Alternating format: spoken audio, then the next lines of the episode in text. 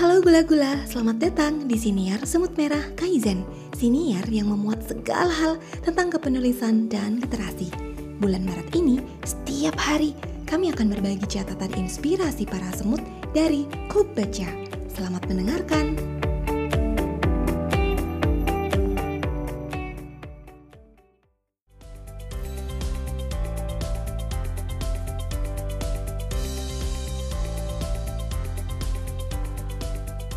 Halo gula-gula, bertemu lagi dengan suara semutgar di hari-hari terakhir di bulan Maret. Aku yakin nih, banyak dari gula-gula udah pernah ngunjungin salah satu perpustakaan yang viral di Taman Ismail Marzuki. Gula-gula tahu nggak? Ternyata perpustakaan di Taman Ismail Marzuki itu adalah perpustakaan yang di bawah naungan Provinsi DKI Jakarta. Sementara, kalau gula-gula tahu, ada lagi satu perpustakaan di Monas, dan juga di Jalan Salemba. Nah, dua perpustakaan itu adalah Perpustakaan Nasional Republik Indonesia. Perpustakaan ini ada di bawah dan bertanggung jawab kepada presiden langsung. Selain dua perpustakaan yang tadi udah aku sebut, Jakarta ternyata masih punya perpustakaan milik pemerintah daerah yang lokasinya itu ada di masing-masing kota madya. Jadi sebenarnya perpustakaan milik pemerintah Jakarta itu banyak ya, Gimana kalau misalnya gula-gula yang tinggal di sekitaran Jakarta? Apa harus ke Jakarta dulu nih untuk mengunjungi perpustakaan? Nah, jangan salah gula-gula. Setiap kota-kota di sekitar Jakarta itu biasanya dilengkapi juga sama perpustakaan kota. Salah satu perpustakaan kota yang mau aku kenalin itu adalah Perpustakaan Kota Depok. Selama belasan tahun aku tinggal di Depok, aku tuh juga baru nyadar kalau kota Depok ini punya perpustakaan kota. Awalnya itu aku diajak sama salah satu pasukan semut juga nih, semut Andy, untuk kunjungan ke perpustakaan kota Depok tersebut. Nah, perpustakaan ini letaknya sebenarnya strategis banget, yaitu di kompleks yang sama dengan gedung wali kota Depok, tepatnya di Jalan Margonda perpustakaan ini pun mudah ditemukan karena sebenarnya lokasi dia tuh ada di paling depan, jadi dekat sama jalan. Sekarang aku mau kasih tahu nih, ada apa aja sih di dalam perpustakaan Kota Depok itu? Ketika gula-gula masuk ke dalam gedungnya, gula-gula akan disambut sama penerima tamu. Nah, penerima tamu itu akan minta kita untuk mengisi buku tamu dan langsung meminta kita ke lantai dua. Jadi ternyata aku juga baru tahu, ternyata kalau lantai satu itu ada beberapa ruang serbaguna yang sebenarnya bisa dipinjam oleh warga Depok. Setelah kita masuk lantai 2, kita akan disambut sama petugas perpustakaan yang melayani tempat penyimpanan barang. Jadi pertama-tama, pengunjung harus menitipkan tasnya dan hanya boleh membawa beberapa hal yang penting, seperti laptop, HP, dompet, atau buku-buku catatan. Nah, di lantai 2 ini, kita tuh diminta untuk melepaskan alas kaki sebenarnya sih untuk alasan kebersihan ya. Dan aku juga setuju-setuju aja sih supaya juga nggak kotor gitu kan dari sepatu dari luar gitu bisa masuk ke dalam-dalam. Kita kan nggak tahu misalnya berlumpur atau apa gitu ya. Di lantai dua itu terdapat dua ruangan perpustakaan atau dua ruangan yang berisi buku-buku. Yang pertama itu adalah ruangan untuk buku anak-anak dan yang kedua adalah ruangan untuk buku secara umum. Nah, ternyata di antara kedua ruangan itu ada satu ruangan kecil, yaitu ruangan yang berisi buku-buku koleksi. Nah, waktu itu aku nggak sempat masuk tuh ke situ, jadi aku nggak bener-bener tahu koleksinya di situ ada apa aja sih, gitu ya. Di ruang membaca umum, terdapat barisan-barisan rak buku dan juga sejumlah meja dan kursi. Jadi, kalau kita pengen baca buku di tempat, itu kita bisa duduk di situ. Atau sambil ngerjain tugas, itu juga kita bisa. Ada juga sejumlah meja yang memiliki komputer. Kalau aku tanya ke petugasnya, komputer ini sebenarnya bisa digunakan untuk kamu-kamu yang kalau misalnya mau ngerjain tugas tapi nggak punya komputer atau juga bisa untuk mencari berbagai informasi yang ada di internet. Jadi itu bisa digunakan komputernya. Kemudian untuk ruang perpustakaan yang kedua yang ruang anak-anak tadi, itu tuh ruangannya terlihat lebih luas dan besar. Dan e, dipenuhi oleh karpet serta ada beberapa pin bag.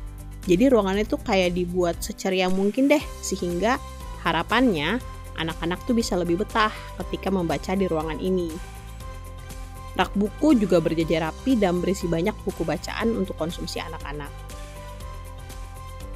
Selain tiga ruangan buku tadi, di lantai dua ini juga terdapat kantor pustakawan. Kalau kamu tuh punya KTP asal Depok, maka kamu bisa langsung bikin kartu perpustakaan saat itu juga. Saat itu kamu bikin, saat itu juga jadi.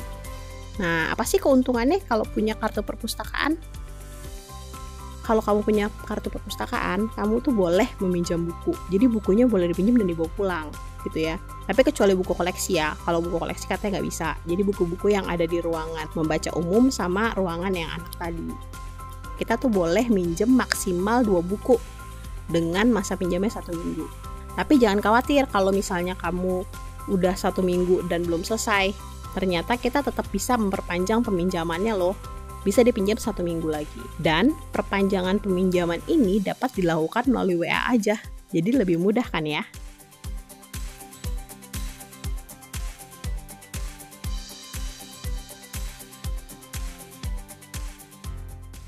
Aku mau kasih tahu nih apa sih kelebihan dari perpustakaan Kota Depok ini. Pertama, koleksi buku-buku di perpustakaannya. Koleksi buku-bukunya tuh lumayan lengkap loh gula-gula terutama koleksi fiksi ya. Karena kan waktu itu aku nyari buku-buku fiksi. Waktu itu aku tuh nyari buku sastra yang zaman dulu sastra lawas gitu. Dan ternyata nemu. Bahkan mereka punya edisi cetak yang paling baru tahun 2019 cara kita menemukan buku di sana itu mudah banget gula-gula. Yaitu kita akan cari melalui katalog di komputer. Penomoran buku tuh udah diatur sesuai prosedur kepustakaan Nah, jadi kamu tinggal cari di mana sih lokasi dari buku tersebut. Tapi kalau kamu bingung dan nggak nemu-nemu, kamu bisa langsung hubungin pustakawan yang ada di situ. Ke kantornya aja, lalu pustakawan itu akan sigap. Dan karena mereka itu udah tahu tata letaknya, udah hafal, jadi mereka dengan cepat tuh bisa menemukan buku yang kita cari. Seperti itu. Kedua, tata cara pembuatan kartu perpustakaan itu pun mudah dan cepat. Ruang bacanya pun juga luas. Jadi kamu tuh bisa pindah ke ruangan baca anak-anak kalau misalnya kamu pengen baca di bin bag atau pengen sambil tidur-tiduran di karpet gitu ya. Jadi nggak harus duduk di uh, ruang baca umum. Nah, kan tetapi selain kelebihan-kelebihan tadi, ada juga nih beberapa hal yang kayaknya perlu ditingkati nih pelayanannya supaya pembaca bisa lebih menikmati waktu di perpustakaan. Pertama, pencahayaan. Pencahayaan di ruang buku umum atau ruang perpustakaan umum itu nggak terlalu terang. Hal ini jadi bikin kita sebagai pembaca itu bisa cepat lelah matanya dan bahkan bisa ngantuk. Tapi jangan-jangan itu karena aku aja ya. nah, interior ruangan pun sebenarnya masih agak kaku. Tata letaknya itu bikin aku keingetan sama perpustakaan di sekolah atau di kampus. Nah, kalau kita mau bandingin sama ruang baca atau ruang buku anak-anak, itu berbeda banget. Karena di sana kan memang ada karpet, ada bin bag, jadi kita bisa baca dalam posisi yang apa pun. Terus warnanya juga berwarna-warni gitu, e, suasananya di sana, jadi lebih menyenangkan untuk membaca buku di sana. Nah, akan tetapi kekurangannya kalau di ruang baca anak itu, e, aku sih ngerasanya banyak barang-barang di sana tuh yang sebenarnya masih bisa diupdate lagi, masih perlu untuk diperbaharui lagi. Misalnya, mereka tuh sebenarnya menyediakan peralatan atau permainan yang bisa dimainkan oleh anak-anak. Mungkin kayak di bawah usia 7 tahun lah. Tapi sayangnya banyak peralatan atau permainan yang ada itu tuh udah pada rusak atau ada yang hilang-hilang atau patah gitu. Jadi kayaknya uh, agak sulit juga ya kalau anak-anak itu pengen main tapi ada yang hilang bagiannya di situ. Saran juga adalah menjaga kebersihan dari karpet dan bin bagnya. Sebenarnya sih bersih-bersih aja ya, tapi kalau ngeliat dari warnanya tuh kayak agak pudar, terus kok aku ngerasa kayak agak berdebu gitu ya, jadi nggak terlalu nyaman buat didudukin. Karena apalagi ini kan buat anak-anak ya, jadi aku berharap sih bersih gitu ya kalau untuk uh, ruangannya.